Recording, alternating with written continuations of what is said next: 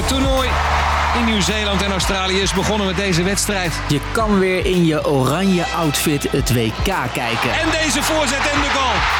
Geen buitenspel, het is 1-0 voor Nieuw-Zeeland.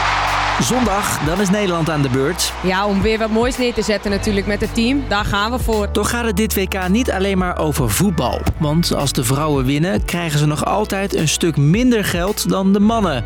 En dat mag volgens het Australische team wel eens veranderen. FIFA will still only offer women one quarter as much prize money as men. Ik ben Jasper en ik vertel je waarom dit WK en het afgelopen toernooi in Qatar niet voor alle spelers gelijk is. Lang verhaal kort. Een podcast van NOS op 3 en 3FM. Het WK is dit jaar in Nieuw-Zeeland en Australië. G'day, mate. En dat is voor de Matilda's, zo heet het Australische vrouwenteam, het perfecte moment om een belangrijk topic weer in de spotlight te zetten. to make women's football as big as it can be, here and around the world. Al jarenlang proberen de Matilda's ervoor te zorgen dat er geen verschil is tussen voetbal bij mannen of bij vrouwen. Niet alleen op de tribunes, maar ook op het loonstrookje. Want waar mannelijke spelers, zoals Messi of Ronaldo als international, wel 100 miljoen euro per jaar verdienen, is dat bij vrouwen bij lange na niet het geval.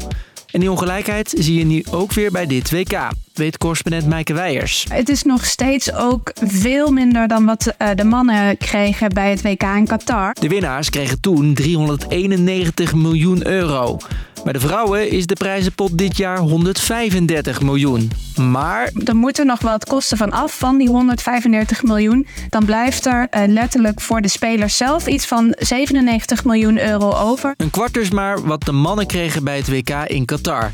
En dat moet dus echt anders, vinden de Matilda's. Zij zeggen de FIFA als internationale voetbalorganisatie heeft echt de verantwoordelijkheid om het goede voorbeeld te geven en ook dat prijzengeld dus te verhogen. Het is niet voor het eerst dat vrouwen dit aankaarten. We zijn gewoon veel meer waard dan we voor het EK waren. Zelfs de amateurmannen verdienen vaak nog veel meer. Toch is er de laatste jaren wel iets veranderd. FIFA besloot voor de start van dit WK het prijzengeld te verhogen.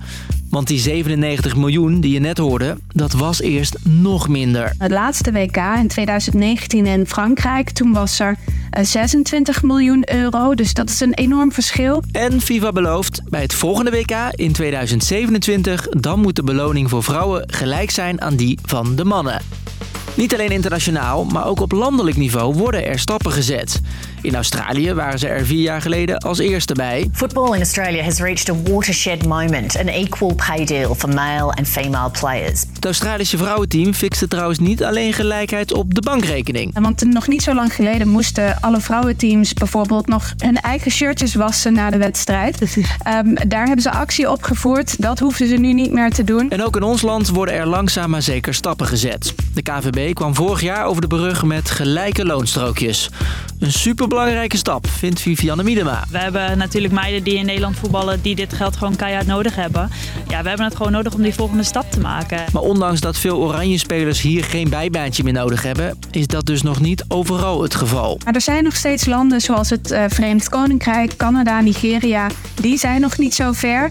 Ehm, ik heb het idee dat er dit jaar wel veel aandacht is voor de gelijke betaling. Dus dat dat mogelijk dit WK, ja, dat dat ook nog wel invloed zal hebben.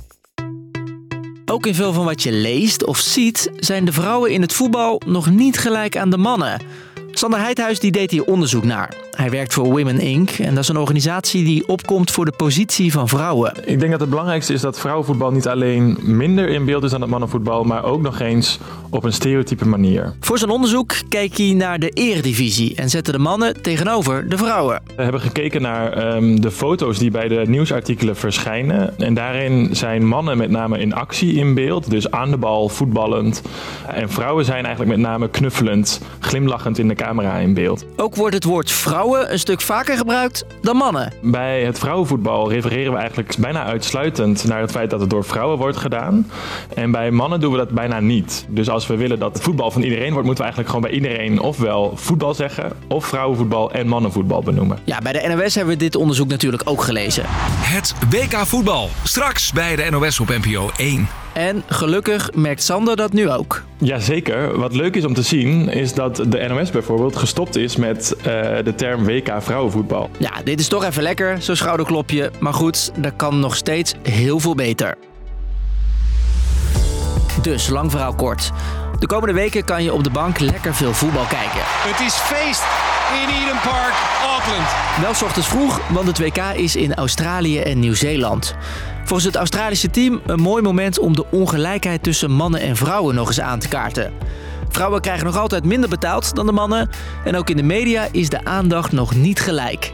Was de podcast weer. Um, snel vraag je, wil je nou dat wij scoren? Geef onze podcast dan even 5 sterren via Spotify. Vinden we leuk. En wil je het Nederlands elftal wat beter leren kennen voor dit WK? Check dan onze special. Link in de show notes.